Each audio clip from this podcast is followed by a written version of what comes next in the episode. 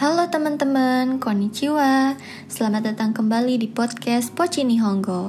Di episode 13 ini, aku mau ngebahas bunpo yang dasar lagi nih, yaitu kalimat penunjuk keberadaan sesuatu.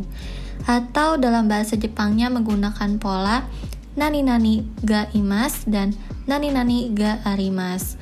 Oke, langsung aja kita bahas satu-satu ya.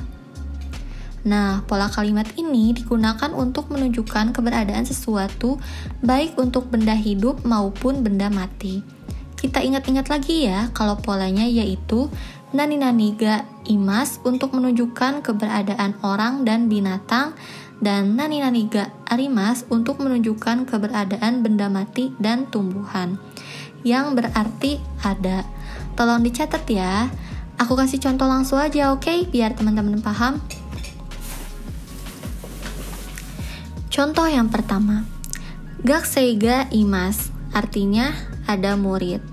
Gaksei artinya murid. Dilanjut dengan partikel ga, dilanjut dengan imas untuk menunjukkan keberadaan. Jadi, Gaksei ga imas, ada murid. Oke, sekarang kita lanjut ke contoh yang lain. Saruga imas, artinya ada kera. Saru artinya kera dilanjut dengan partikel ga, dilanjut dengan imas untuk menunjukkan keberadaan. Jadi, saruga imas, ada kera. Oke, sekarang kita lanjut ke contoh yang lain. Kiga taksang arimas, artinya ada banyak pohon.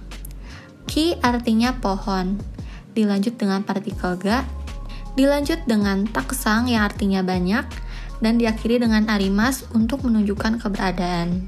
Jadi, kiga takusang arimas, artinya ada banyak pohon. Oke, sekarang kita lanjut ke contoh yang lain.